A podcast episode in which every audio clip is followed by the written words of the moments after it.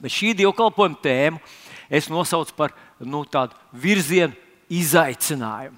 Izaicinājums katram dzīvē ir, un uh, mums ar tiem ir jātiek galā. Un tie sākās jau tajā mirklī, tikko mēs ienākam šajā pasaulē.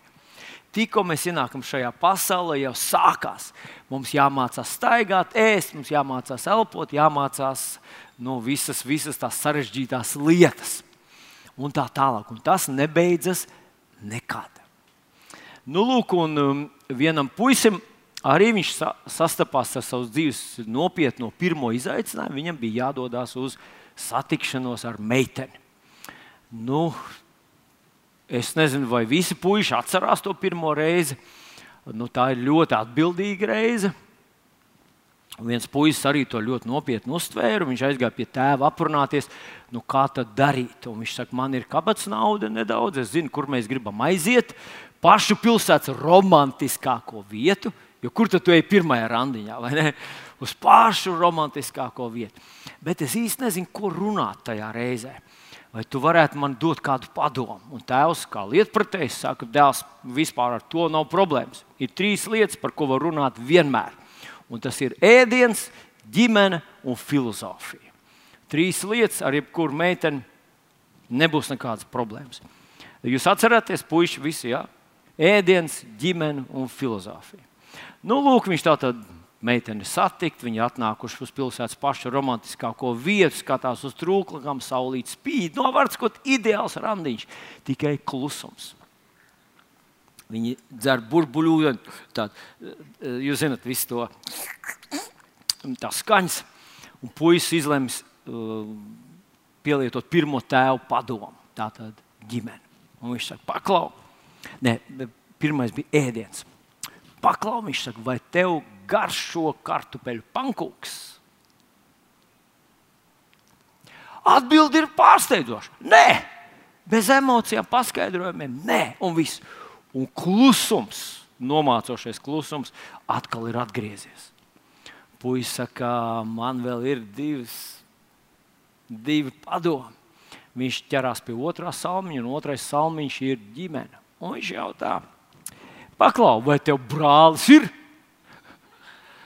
Un atbildi ir tikpat uh, augsta. Nē, un klusums vairs nemaz neiet prom. Viņš turpat arī ir. Nu, bet puisis domā, cik labi, ka man ir trešais padoms un pēdējā kārta, kuras milīgs galdā. Un tā ir filozofija. Un viņš iesāk drosmīgi savu sakāmo. Viņš ir redzējis, bet ja tev būtu brālis, vai tev garšot kartupeļu pankūks? Nu, es nezinu, kā beidzās uh, tas randiņš, vai beigās viņi dzīvo ilgi un laimīgi. Bet um, šodien runājot par izaicinājumiem, ar kuriem sastopamies mēs katrs un sastopās mūsdienu pasaule, man šķita ļoti adekvāti psalms, 27. psalms, kas ir viena no manām tādām raksturvietņām, kuras es um, ik pa laikam uh, nu, citēju, domāju par viņām, lietojot tādu modernu vārdu, meditēju par šo te, un brīžiem tas kļūst par manu dienas galveno rakstu vietu. 27. psalms. Tas kungs ir mans gaišums. Un gribu ar jums paskatīties tur, ja tev ir līdzi tava bībelī, tu vari viņu atvērt, vai tu arī vari pievērst uzmanību ekrānam, kur mēģināšu parādīt visu šo uh, apmēram 5 panti, bet mēģināsim viņus izlasīt visi kopā, un es lūgtu, lai tu ieklausies. 27. psalms. Tas kungs ir mans gaišums un mana pestīšana. No kā man bīties?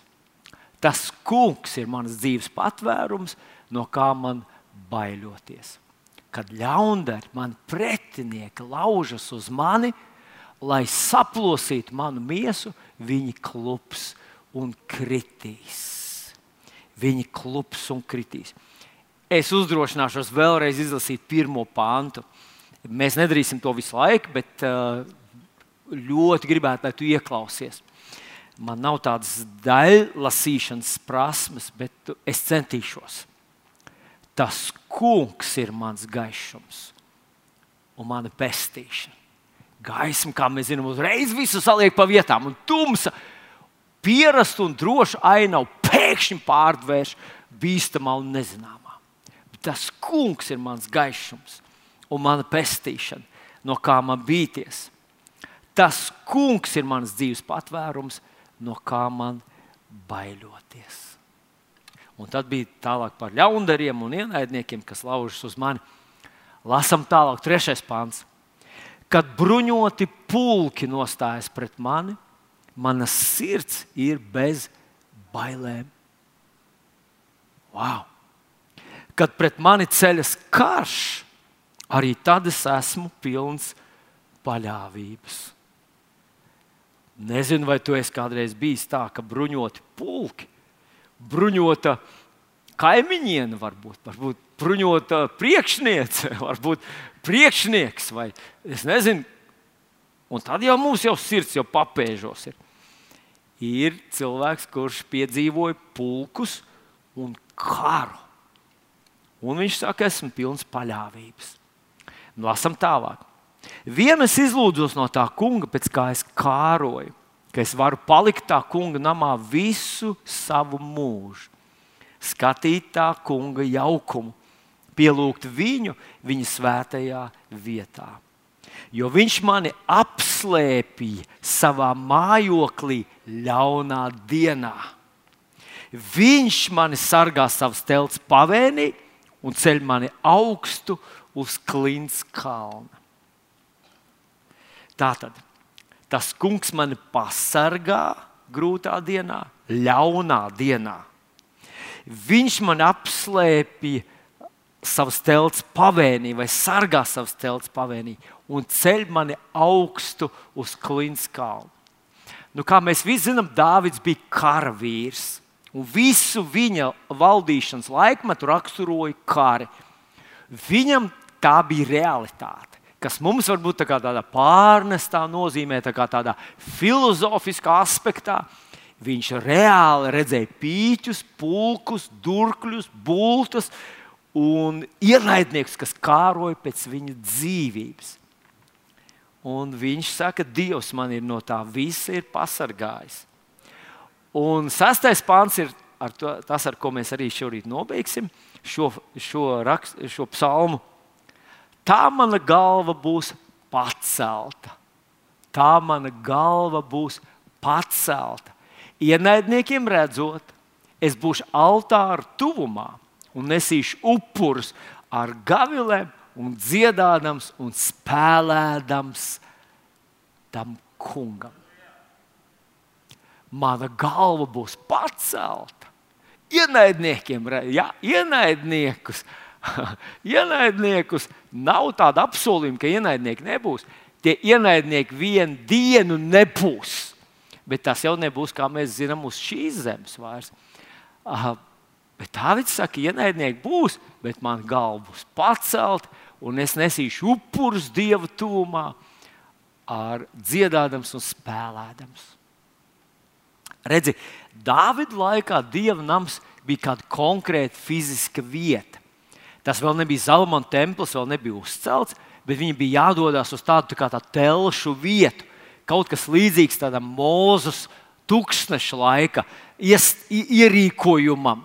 Viņš gāja tur, un tur, viņš, tur bija tā vieta, kur vajadzēja pielūgt Dievu un kur Dievs atklājās. Mūsu ar tevi laikā mums nav nekur jādodas. Nu, ja nu vienīgi neskaidro šo kopīgo pielūgšanas vietu, kur Dievs mūs motivē nākt kopā un pielūgt viņu. Bet viņš nepaliek šeit. Zini, Dievs nedzīvo šeit kaut kur tur aiz kaut kādas uh, ikonu sienas. Viņš dzīvo tevī. Un faktiski tas, ko Dārvids saka, vienu es gribētu būt Dieva tuvumā. Mēs ar tevi to varam izmantot 24 stundas katru diennakti. Tas ir brīnišķīgi un brīnums. Bet runājot par izaicinājumiem, redziet, Dāvids burtiski piedzīvoja, ka viss viņa kara mūžs beidzās ar uzvaru. Viņš nodzīvoja garu līdz garam, sirmam vecumam. Viņš beigās bija tik ļoti vecs, nu, kad, kad, kad, kad, uh, kad viņam vajadzēja palīdzēt tās viņa paša ikdienas vajadzības, tām tik galā. Garš mūžs, un viņa mūža nogala bija svētīta. Vēl tā bija svētīta ar to, ka viņa dēls pārņēma to viņa nu, amatu, pilnvaras un bija veiksmīgs. Redz, kādreiz mēs redzam, ka tēva laikā pilsēta tiek celta, dēls to visu sagrauj un izputina. Un tās ir ļoti lielas sirds sāpes. Ar Dāvidu tā nebija. Ar viņu burtiski notika tā, ka Dievs viņu svētīja, viņa galva bija pacelta, un tad viņš redzēja, ka viņa dēls ir vēl veiksmīgāks tajā. Un tā ir liela lieta. Tā ir liela lieta. Bet tā tad ar Dāvidu tas burtiski piepildījās šis 27. psalms. Vai šis 27. psalms strādā arī mūsu dienās? Vai arī tu vari paņemt šo psalmu un drosmīgi to ticēt savā sirdī un pasludināt savai dzīvei? Un kādēļ es uzdodu šo jautājumu? Jo Dārvids dzīvoja pilnīgi citā laikā. Atcerieties, kāds toreiz bija ūdens, tīrs, kāds toreiz bija gaiss, kāds toreiz bija cukurs. Tas bija salds un nebija tik kaitīgs kā šodien. Kādi toreiz bija tauki? Pravietis varēja teikt, e, dzeriet saldu un ēdiet treknu. Wow! Mums būs šodien atkāries žoklis, ja mācīties kaut ko tādu pasludināt lielākā drau, da, daļa draugu teikt, mēs esam vegāni. Ko tu, mūs, ko tu te sludini? Vienkārši tas bija cits laikmets. Toreiz Dievs varēja to nodrošināt. Vai Viņš to var arī nodrošināt šodien? Bet vēl vairāk runājot par rītdienu. Es nezinu, ko tu domā, raugoties rītdienā, bet uh, cilvēkiem ir tādas visādas vēlmes ieskatīties nākotnē. Ir pat tāds zinātnieku domātāju tāds, nu, novirziens, kas saucas futūristi.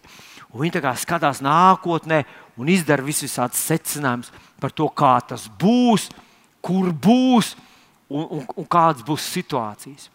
Un es esmu pamanījis, ka ik pa laikam, kad tu sadzirdi kaut ko no tās grupas, viņi cenšas mūs visus kā, nu, nobiedēt ar nākotni. Un viens tāds teikums, kur nesen uh, es izlasīju, un droši vien, ka jūs arī esat kaut ko tādu dzirdējuši, ka tajā nākotnes pasaulē būs viss, ko mēs mīlam. Tā kā burgeri un, un, un pončiki un, un, un visas tās lietas vēl aizvien būs. Bet tur būs arī visas tās lietas, no kā mēs baidāmies. Vai var būt tā, ka tajā nākotnes pasaulē, kurā, kā mēs visi zinām, būs globālā sasilšana, klimata kolīzijas, būs ledus kušana, ūdens līmeņa celšanās un vēl vis, visādas neskaitāmas mākslīgie intelekti. Tu nezinās, cilvēks, ar ko tu esi apprecējies, vai viņš ir īsts cilvēks, vai, vai robots, vai, vai nu, kas tev raksta vēstules. Tu, neko nezinās, runās pa telefonu, bet varbūt tas ir no, no Ķīnas, kāds ar tevi sarunājas, mākslīgs intelekts. Nu, tā tālāk. Briesmīga pasaule. Un kaut ko no tās pasaules mēs jau visi esam piedzīvojuši. Ziniet, neviens no mums nebrīnītos, ja mēs ieraudzītu tādus cilvēkus, kas saka, mēs tikko atgriezāmies no sava karību uh, kurorta. Un ja agrāk nu, vīriešiem bija nu, skaidrs, ja aizbrauc uz Ameriku, tad vīriešiem bija tāds lielāks bikses jānēsā. Eiropā kaut kā vīrieši e, cenšas pēc iespējas tāds mazāks. Bet nu, tas bija vienā gabalā. Tagad jau mēs zinām, ka arī nu, peltkostīms vīrietim ir divās daļās. No sievietēm jāsamierinās ar trim. Nu, paskaties, tu sēdi draudzē ar masku. Vai tas nav kaut kas tāds? Vienkārši, nu, vienkārši neiedomājams.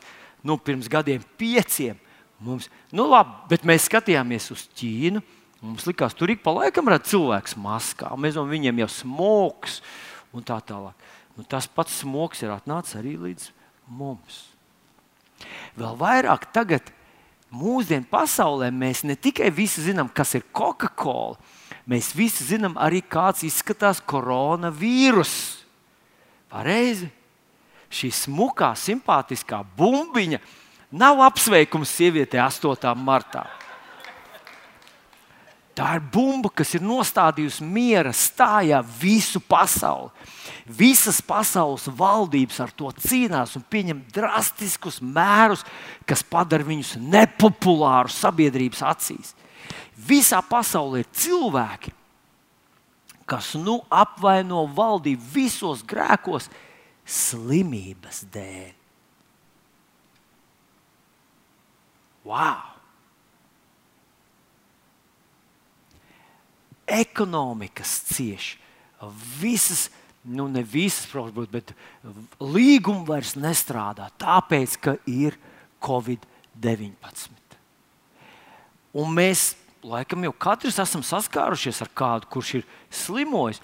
Un varbūt katrs otrais dzirdējis par kādu cilvēku, kurš ir izslimojis smagi, grūti izslimojis. Un paldies Dievam, tie, kas esam tikuši pasargāti no tā. Mēs ļoti ceram, un es ļoti paļaujos uz Kunga Jēzus asiņu apsardzību, ka maitātājs man iet garām. Bet jūs zināt, ka ir vēl lielāks biets atnācis tagad. Un tā ir nākošā lieta, kas citi saka, ka tā ir gaisma tuneļa galā. Citi saka, ka tas ir kaut kas vēl sliktāks. Un tā ir vakcīna pret covid-19. Un ziniet, kas ir pārsteidzoši? Ka raugoties uz cilvēkiem, cilvēki ļoti dažādi, gandrīz diametrāli pretēji. Un nevis tā vienkārši, nu, man pārliecība ir tāda, bet viņi tā kā, ziniet, ar tādu drāvu, tā kā es domāju, tā ir pareizi, un tie visi citi ir pārdevušies, nodevušies, uzpirkti, tie gļēvuli, tie bailīgie un tā tālāk. Un tie otri atkal to sauc par covid idiotiem un nezinu, ko tur vēl. Nu, tā kā sabiedrība ir sašķēlusies uz vienas slimības pamata. Un tad es domāju, kā būtu, ja mēs sāktu runāt par to, kāpēc smēķētājiem amputē kājas, kāpēc vēžniekus apstaro, kāpēc nu, amputē krūtis, rauj ārā zobus un dara visvisādas medicīnā it kā ja tu no malas paskaties uz to vienkārši barbariskas lietas, bet lai cilvēku glābtu, tiek pieņemti šādi smagi lēmumi, lai cilvēks turpinātu dzīvot. Kā būtu, ja mēs sāktu visu to analizēt savās, savās mazajās grupās un draudzēs, un mēs teiktu, šī metode ir laba, tā slikta. Un mani pārsteidz arī brīžiem, kad es klausos, ko mācītājs saka. Es kādreiz paklausos, ko man kolēģi citās draudzēs saka, un ko viņi aicina cilvēkus, ko viņi motivē. Un, ziniet, tos, kas viņus uztver kā autoritātes, viņi pilnīgi saka, tā vajag, tā ir pareizi. Un es pie sevis uzdodu jautājumu, kā vispār mācītājs var nonākt pie tādām lietām. Kā tas var notikt? Un, ziniet, man ir divas atbildes uz šo tādu retorisku jautājumu. Un tā pirmā atbilde ir tāda, ka mūs šī situācija pārsteigusi nesagatavotus, un mēs īsti nezinām. Un iespējams, ka pēc gadiem mēs sapratīsim, vai vismaz visiem kļūs saprotams, kāda tā stratēģija ir pareiza un kāda lēmuma bija nepareiza.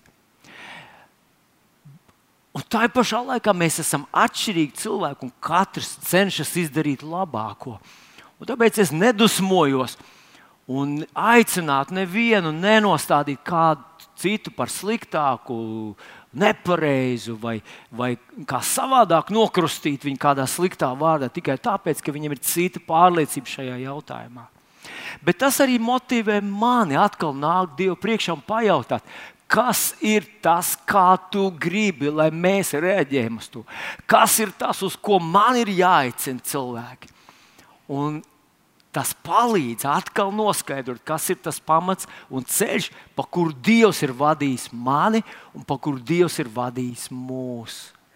Un šai rītā es gribu mazliet pieskarties šim vakcīnu jautājumam.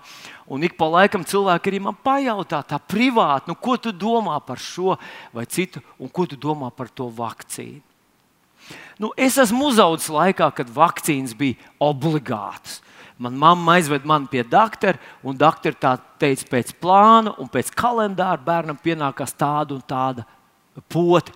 Un brīžiem tās bija divas pocis uzreiz, brīžiem trīs pocis uzreiz, kas tika iešpricēts, jo tā vajadzēja, tā ir pareizi, tāds ir likums. Un neko daudz mamma toreiz nezināja iebilst un nevarēja īstenībā iebilst. Arī šodien es neesmu ļoti iedziļinājies tajās vakcīnās, riskos un ko tas var izsaukt un kas var notikt. Tā kā es neprezentēju sevi kā tādu veidu ekspertu. Bet, zinot, es esmu dienējis armijā, un daudz ir dienējuši armijā. Bet es vienkārši mazliet gribu pastāstīt savu pieredzi, jo es pēc savas pirmās izglītības biju Felšers, un armijā otro savus dienas termiņus nostrādāja medpunktā, kā dežurējušais felšers. Un tajā daļā bija sadzīti cilvēki un puiši no visas bijušās milzīgās padomu savienības, no, no Kaukāza republikām, cilvēki, kas nemācīja krieviski, vispār bija no lielās Krievijas, no dažādiem rajoniem, bija no Baltijas valstīm cilvēki. Mēs dzīvojam ļoti blīvi kopā, apmēram pie tūkstoša uh, puišu 18, 19, 20 gadu vecumā, un, protams, arī komandējušais sastāvs virsnieki. Un medpunktā pie mums sāka parādīties puiši no, no tām dienvidu republikām, kas slimoja ar infekciozo parotītu. Tautas valodā to sauc par cūciņām. Un tas izskatās pēc cūciņas, tāpēc, ka uzpamst iekaisums uh, aizsniedz iekalu dziedzers un uzpamps šeit. Un kā cilvēks kā, nu, kaut kādā mērā atgādina cūciņas. Un tad mēs noskaidrojām, ka viņi nav potēti un nav izslimojuši. Bērnībā nav izslimojuši cūciņas un nav potēti pret šo infekciozo parotītu. Cik es zinu, tad šodien, mūsdienās, bērnus uzreiz potē ar trīsdaļīgu kombinētu vakcīnu, un tā ir pret masalām, masaliņām un parotītu. Nu, Tātad šajā daļā bija puiši no visurienes, un visi atveda to savus infekcijas šurp. Bet slimoja tie, kas nebija tātad bērnībā pārslimojuši un nebija potēti. Un es konstatēju, ka tas, ka tu bērnībā ar to nesaslimi, nav lielais bingo un vinests, jo tā, tas vīrus jau nekur nepazuda. Un puiši izslimoja ar to savos tādos spēka gados.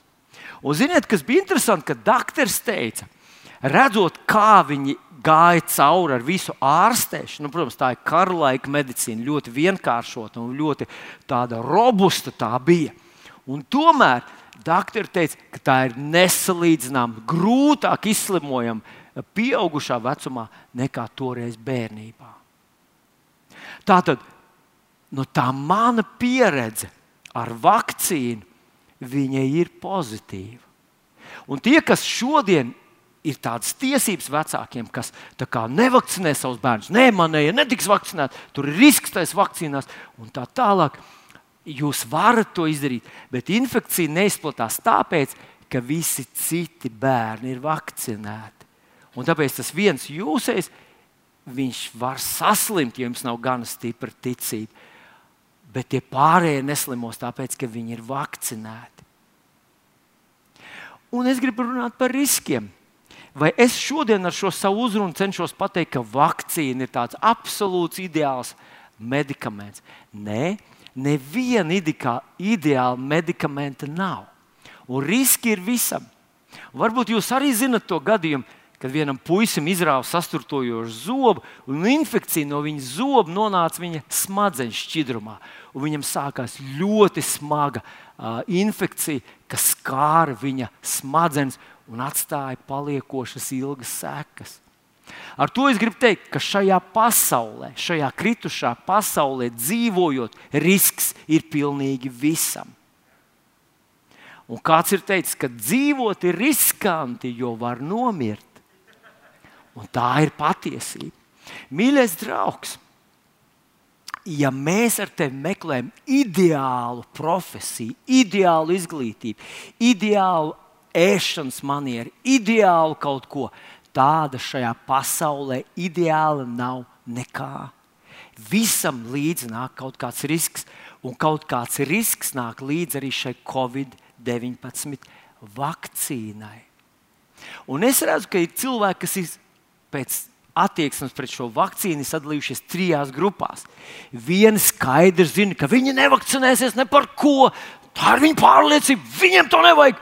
Tas viņus neskars, un tas nav priekš viņiem. Un es cienu tādu pārliecību. Ziniet, labi tam, kuram ir sava pārliecība. Ir pārliecība otra tiem cilvēkiem, kas saka, es to izdarīšu, un tā vakcīna man pasargās, tā nostrādās pie manis pozitīvi, un es apzinos riskus, bet es apzinos arī ieguvumus no tā. Un ir tā trešā grupa, kura ir visbīstamākā grupa, vai atrasties šajā grupā ir visbīstamāk. Un tie ir cilvēki, kuriem nav īsti savas pārliecības. Tie ir cilvēki, kas brīžiem dzird kaut ko labu par kādu no vakcīnām, saka, o, es varētu ar to. Tad viņi dzird, ka kādam bijusi blakne, kāds saslims, kāds kaut kur tur kādam ir, kāds ir pat nomiris. Un viņi saka, nē, es to nevakcinēšos. Tomēr vakar viņi būtu gabi, vakcinējušies, šodien vairs nav gatavi, un mēs nezinām, ko viņi darīs rīt. Ziniet, tā ir vissarežģītākā grupa, jo viņiem nav īsti ticības. Un šajā rītā man gribas mazliet pieskarties, kā es redzu šo vakcīnu. Nu, vispirms, man ļoti, mm, es esmu izvairījies no tā, lai baidītos no vakcīnas. Vienalga, ko mēs arī ne, savā laikā, kad mēs aktīvi ar dēlu, ar sunu staigājām pa mežu, mēs gājām un novakcinājāmies pret, pret ērču encefalītu. Arī tur ir riski. Bet Jēzus vārdā mēs aizgājām, mēs teicām, mums tie riski netrāpīs mums. Un man gribas parādīt jums rakstvietiņu, kas man liekas tieši runā par vakcīnām. Tā ir Iesai grāmata, 54. nodaļa, 16. pāns, kur apstults, piedodiet, pravietis Iesai 54. nodaļā runā par visiem tiem iegūmiem, kas ir pēc 53. un 53. runā par Jēzus darbu un viņa nopelnu. Tātad 54. nodaļā, 16. pantā viņš saka tā, redzi, Es radīju kalēju, kas uzpūš oglēs uguni un kaldina pēc sava amata ieročus. Es radīju postītāju, kas tos sapost. Un tie, kas ir lasījuši Bībeles sākumu, zina, ka tur nav rakstīts, ka pirmajā dienā Dievs radīja gaismu, un tur to un to un to, un tad viņš radīja zvaigznes, un tad viņš radīja kokus un dzīvniekus un, un tā tālāk. Tur nekur nav rakstīts, ka Dievs būtu radījis kalēju. Bet šeit viņš saka, ka viņš ir devis šīs prasmes. Iespējams, ka Dāvidu laikā, vai iespējams, ka Jēzus laikā šī prasme izveidot dzelzi, veidot uh, ieročus, rīkus no tā. Tā bija vienkārši revolucionāra. Tas bija kaut kas tāds, kas padarīja valsti uzreiz divkārt stiprāku par viņu pretiniekiem. Un Dievs saka, es jums šo atklāsmi esmu iedevis. Un man gribas teikt, ka šī pati raksturvieta saka, ka tie mehānismi, kurus zinātnieki atklājuši, ieliekot tos vakcīnā, ka tie nav vēlna doti, ka tie ir dievi iedoti mums. Bet, un skaties tālāk. Tātad es radīju kalēju, es zinu tos ieročus, kurus viņš spēja radīt, bet es arī radīju postītāju, kas to sapost. Mēs varētu teikt, ka katrai indai Dievs saka, man ir pretindi.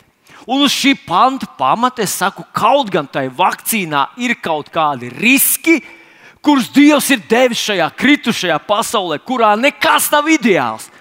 Es ticu, ka Dievs ir manu organismu, manu ķermeni radījis pietiekami gudru, un Viņa žēlastība būs pietiekama, lai tas ierocis manā gadījumā nostrādātu pozitīvi un pasargātu mani. Un es ļoti iedrošinu tevi, mīļais draugs, neizveidot savā uzskatu un ticību sistēmā bailes no vakcīnas. Jo vienā dienā var nākties tev, gribi, negribi to vakcinēt. Jūs zināt, šis vakcīnas potēšanas pasas, viņas sen jau ir pazīstams pasaulē. Un, ja ja tu gribi aizbraukt uz, uz Dienvidu Ameriku, piemēram, vai uz, uz Āfriku, tev pieprasīs, lai tu būtu potēts pret dzelteno eh, mēri, eh, kā nu bija kaut kāda vēdera tīfa, malārija. Jo vienkārši tu tur nespēsi izdzīvot. Tās tur ir gaisa, katrā elpas vilcienā tie vīrusi tur ir.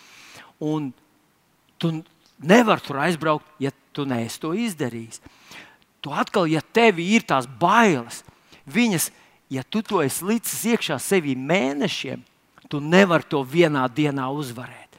Ar ļoti grūti, ļoti grūti ar savām vakardienas ticībām šodien tikt galā.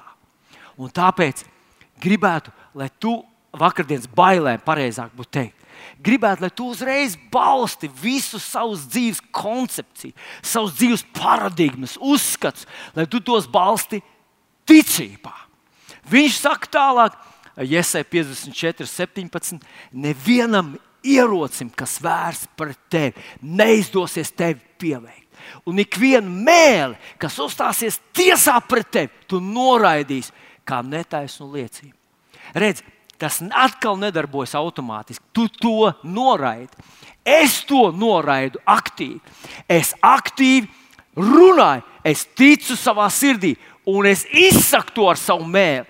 Un zinot, ko brīžiem es sajūtu, brīžiem burtiski sajūtu to nu, tādā garīgā līmenī, ka tas ir nu, man vārdi, tā kā tādi vesels, tā kā tāds zobens cirtieni.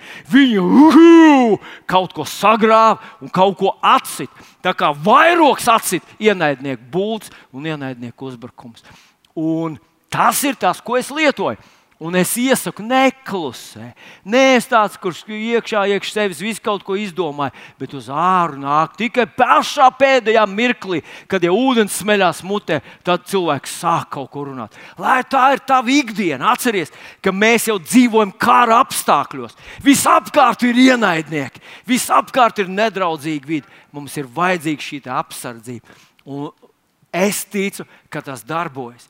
Bet man gribas pievērst uzmanību vēl tā panta vai tās nodaļas pēdējiem teicieniem. Tas ir tā kunga kalpu mantojums.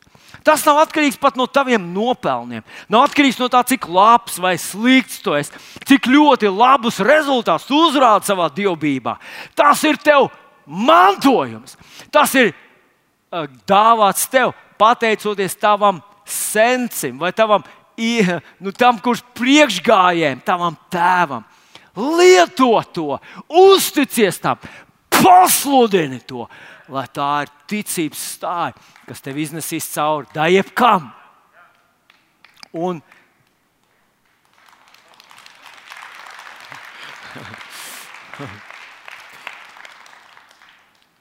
pat es absolūti ticu cilvēku tiesībām domāju, ka mums jābūt tiesībām izvēlēties, kā tu rīkojies. Domāju, ka tas ir neatņemami demokrātiskā sabiedrībā. Bet pat ja tu nonāc situācijā, ka tev būs tas jāizdara, lūst vai plīst, spērt ticībā šo soli, pacel savu galvu, jo tas kungs teica, tev ir mantojums es tevi pasargāšu, tas ierocis nenostrādās, un pat ja tūkstoši pa labai un desmit, iedomājieties, kā Dāvida laikā bija vakcīnas, ko tūkstoši pa labai un desmit pa kreisai, bet mani tas neskars. Aleluja! Jēzus vārdā.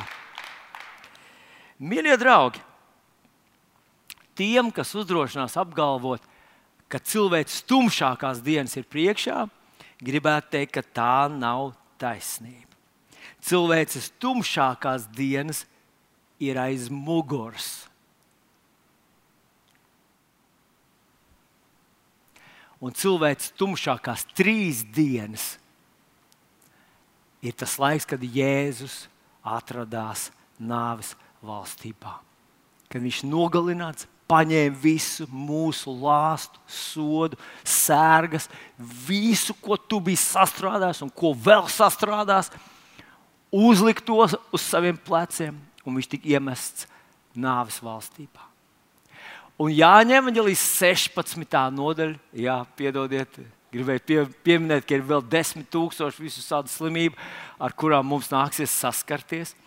Bet Jāņem Evangelijas 16. nodaļā Jēzus gatavo savus mācekļus šim grūtajam laikam, kad viņš būs no viņiem paņemts prom. Un re, kā viņš saka, pirmā, pirmie divi panti, es nolasīšu viņus, un ļoti gribētu, lai tu ieskaties tajos un lai, lai tu ieraugi to, ko Jēzus mums šeit saka. To es jums esmu runājis, lai jūs nekristu apgrēcībā. Tie jūs izslēgs no draudzes, un nāk stunda, kad tas, kas jūs nonāvēs, domās ar to dievam kalpojas.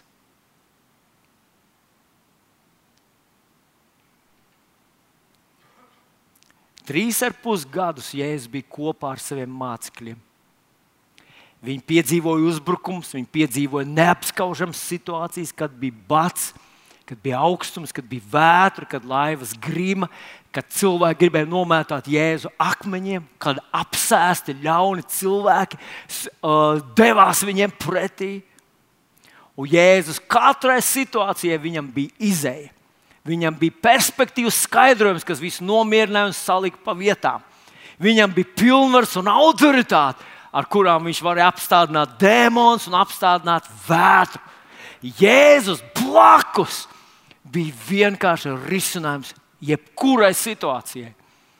Un nu Jēzus runā par to, ka viņš aiziet no viņiem, bet viņš nevarēja vēl viņam pateikt, redzēs, esmu ar jums ikdienas, jo viņš to varēs pateikt tikai pēc savas augšām celšanās. Viņš viņiem saka, pienāks diena, es no jums aizēju.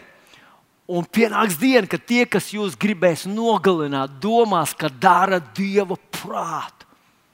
Tu vari iedomāties situāciju. Redz, ka dievlieči, ateisti mūs vajā, tas ir saprotams.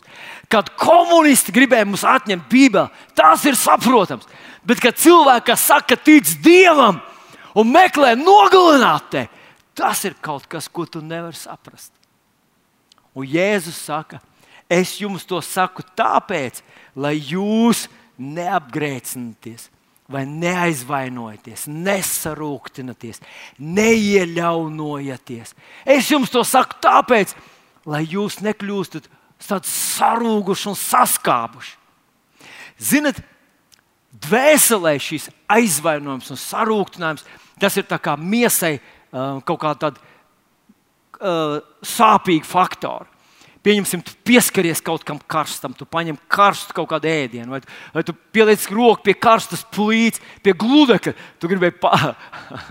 es atceros, mamma pirms sāka gludināt, vienmēr uzspļāva uz gludekļa. Un kāds varbūt nu, domā, ka tur ir nu, kaut kā tāda mājiņticība. Viņi vienkārši gribēja zināt, vai jau gana karsts. Bet tēvs nespļāva virsū. Viņš lika uh, viņš paslapināja pirkstu un piesita to klāt. Ziniet, viņš, es nekad nebiju redzējis, kad viņš pielikt roku un teikt, karsts, šausmīgi karsts. Viņš vienmēr to rāva nost. Un es ticu, ka tieši tā mums vajag rīkoties tad, kad mēs sajūtam aizvainojumu, rūkumu, kad mēs ieļaunojamies pret sev tuviem cilvēkiem, pret cilvēkiem, kas mums ir blakus, ar kuriem mums kopā jāiet tālu un ilgi. Man to pamācīja kāds vecs karavīrs, uh, kad es biju iesaucies tāds pavisam. Es biju iesaukts armijā, tad viens vecs, nu, izdienējis divus gadus. Viņš teica, zini, ko, ja tu apvainosies, nu, sauc par veciem karavīriem, nu, viņš bija gadu vai divus vecāks par mani. Ja tu, ja tu apvainosies, un krieviski ir tāds teiciens, nā, bižanih vodu vozit. Ja tu apvainosies, visi krāmēs tev virsū. Kaut kas tāds notiek. Es ticu, ka garīgā pasaulē mēs sākam smaržot nepatīkami. Un tas pievērš dēmonu uzmanību. Aizvainot, sarūktināts cilvēks, vienalga uz ko viņš ir sarūktināts Viņš saka, ja Bībele saka, ka mēs esam Dieva saldā smarža, un garīgā pasaulē iespējams, ka patiešām tas sajūtams kā saldā smarža, tā kā kaut kas svaigs un dzīves, un dēmons tas nepievēl. Bet tikko mēs sarūktinamies, mēs esam tā kā cilvēki, kas esam pieskārušies tam gludeklim, un sakām, un mēs izplatām šo degumu smaržu un dēmoni uzreiz sapulcinās. Un tas ir tas, kas viņiem ir pievilcīgs, un tas ir tas, kur būs rezultāts. Un tāpēc Jēzus saka, mīļie draugi, jūs piedzīvosiet dramatiskus brīžus. Kā mēs zinām, visi Jēzus mācekļi par savu ticību samaksāja ar savu dzīvību. Bet es ticu, ka viņi visi līdzīgi kā Jēzus, arī apelsīns Pēters, kad viņš mīra pie krusta, viņš teica, ziniet, ko es neesmu cienīgs, ka jūs man piestat pie krusta kā manu kungu. Tu ko dumžas, tā ir smagākā, dramatiskākā nāve. Viņš saka, sitiet man ar kājām gaisā. to neteikt sarūktināts, vīlies, aizvainots cilvēks. Un tāpēc, ja es saku, lai jūs nesarūktināties, īstam kristietim nevajadzētu būt sarūktinātam ne par ko, jo par visu to, kas tev ir nodarīts, Jēzus ir samaksājis pilnu cenu, lai tu piedotu. Saka, lai es piedotu. Halleluja! Bet tā tad Jēzus šajā 16. nodaļā instruē savus mācekļus. Naktī vai divas pirms viņš tiek saņemts, un tad viņš tiek krustā sists un sākās viņa sāpju ceļš. Un te viņš runā šajā pašā 16. nodaļā, viņš saka dramatiskus, spēku pilnus vārdus. 7. pāns.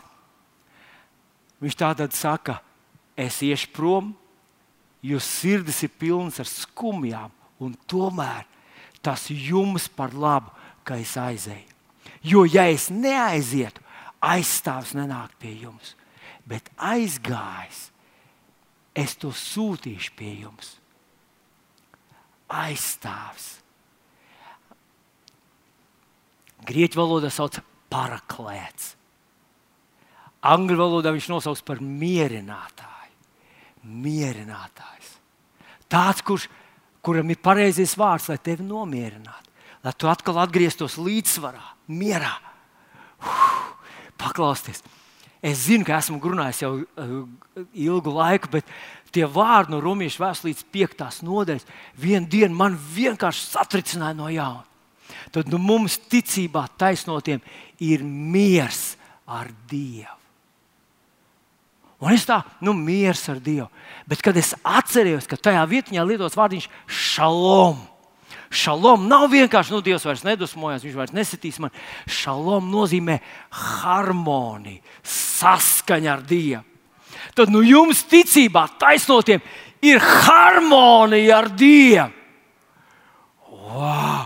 Tas nozīmē, nu, nu, Viss ir ok, mēs kopā, ja? mēs darām to pareizi. Viņš ir apmierināts, Vilni, viss ir labi. Tu dari pareizi, mēs esam kopā, mēs rīkojamies saskaņot. Wow. Tas ir tas, ko viņš saka. Tas jums par labu, ja es neaizietu, aizstāvis nenāktu pie jums. Bet tagad viņš atnāks, un tālāk viņš runā par to, ko Svētais Gars darīs. Kungs, man gribētos par to runāt, bet šodien mums nav iespējas. Man gribētos tikai mazliet atkāpties atpakaļ 14. nodaļā. Un 14. nodaļā Jēzus saka, arī runājot par Svēto garu, viņš saka tādus vārdus ja jūs mani mīlat, turiet manas pavēles. Un es lūgšu tēvu, un viņš dos citu aizstāvi. Jēzus nosauca sevi, ka viņš bija ar mācekļiem, skolotājs un aizstāvis.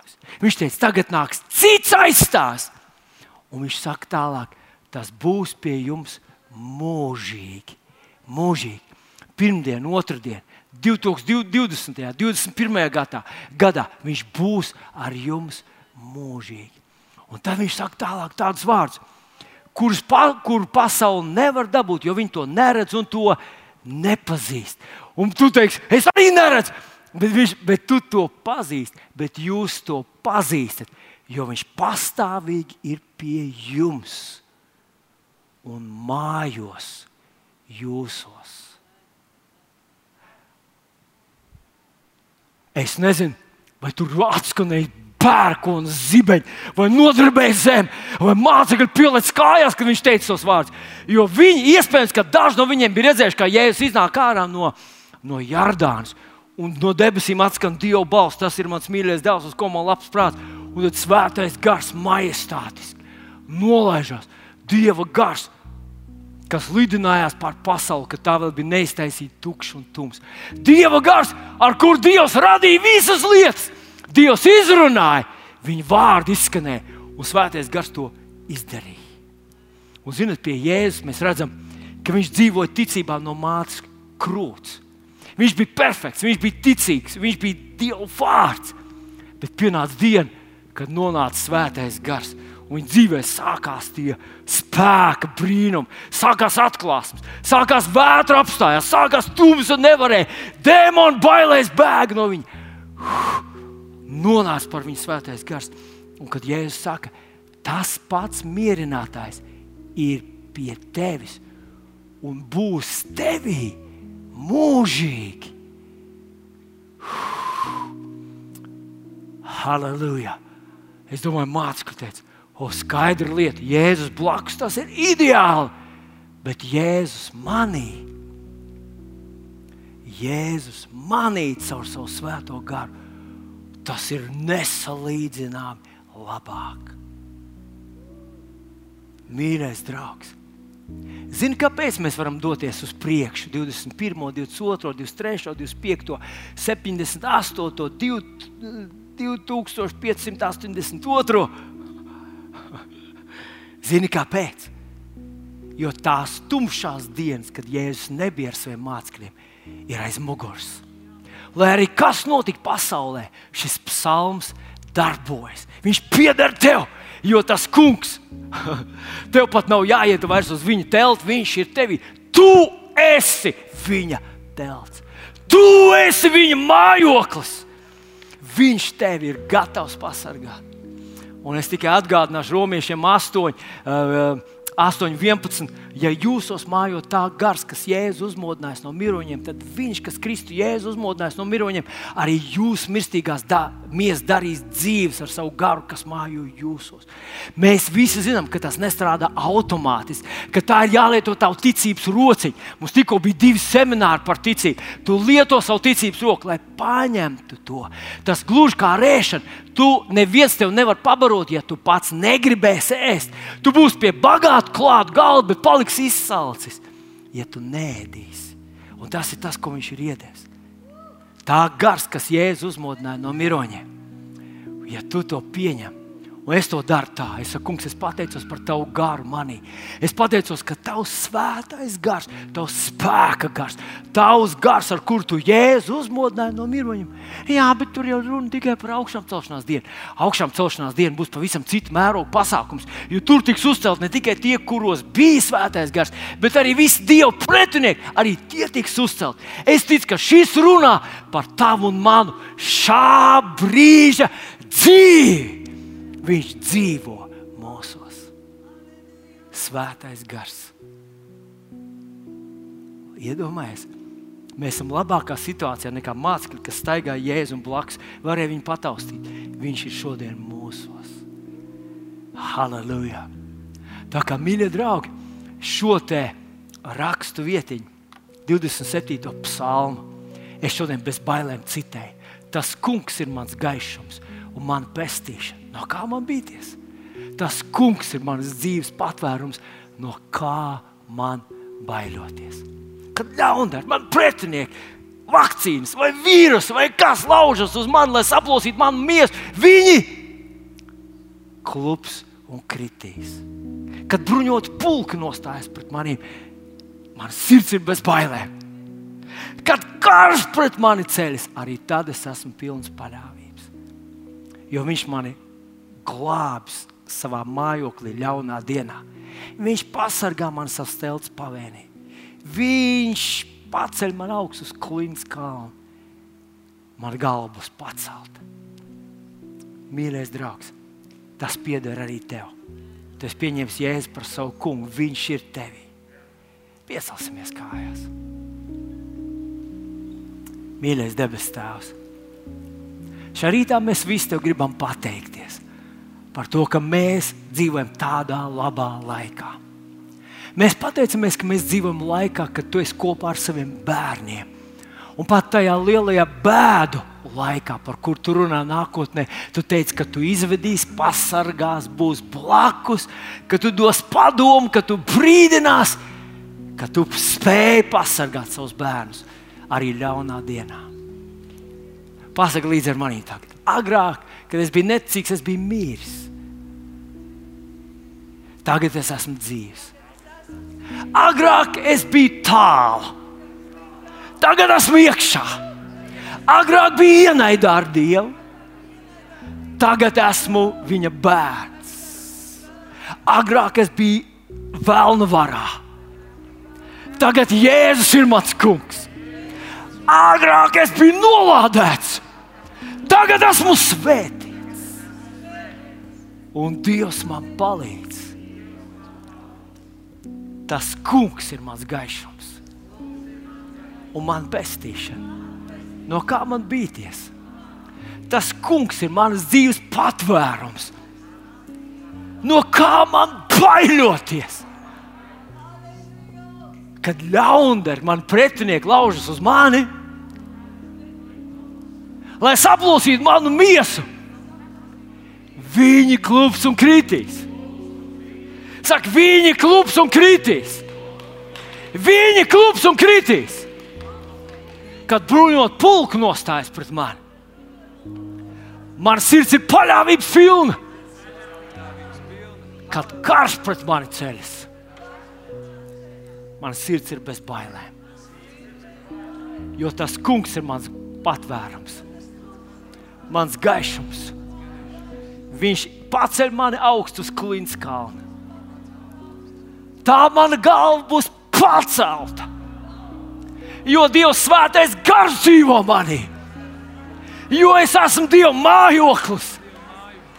Tuvāk Dievam vairs nav iespējams pienākt. Cik tuvu Viņš ir pienācis man. Un tāpēc es nebaidos. Mans labākās dienas man ir vēl tikai priekšā. Paldies, Tev, Kungs, Jēzus! Halleluja!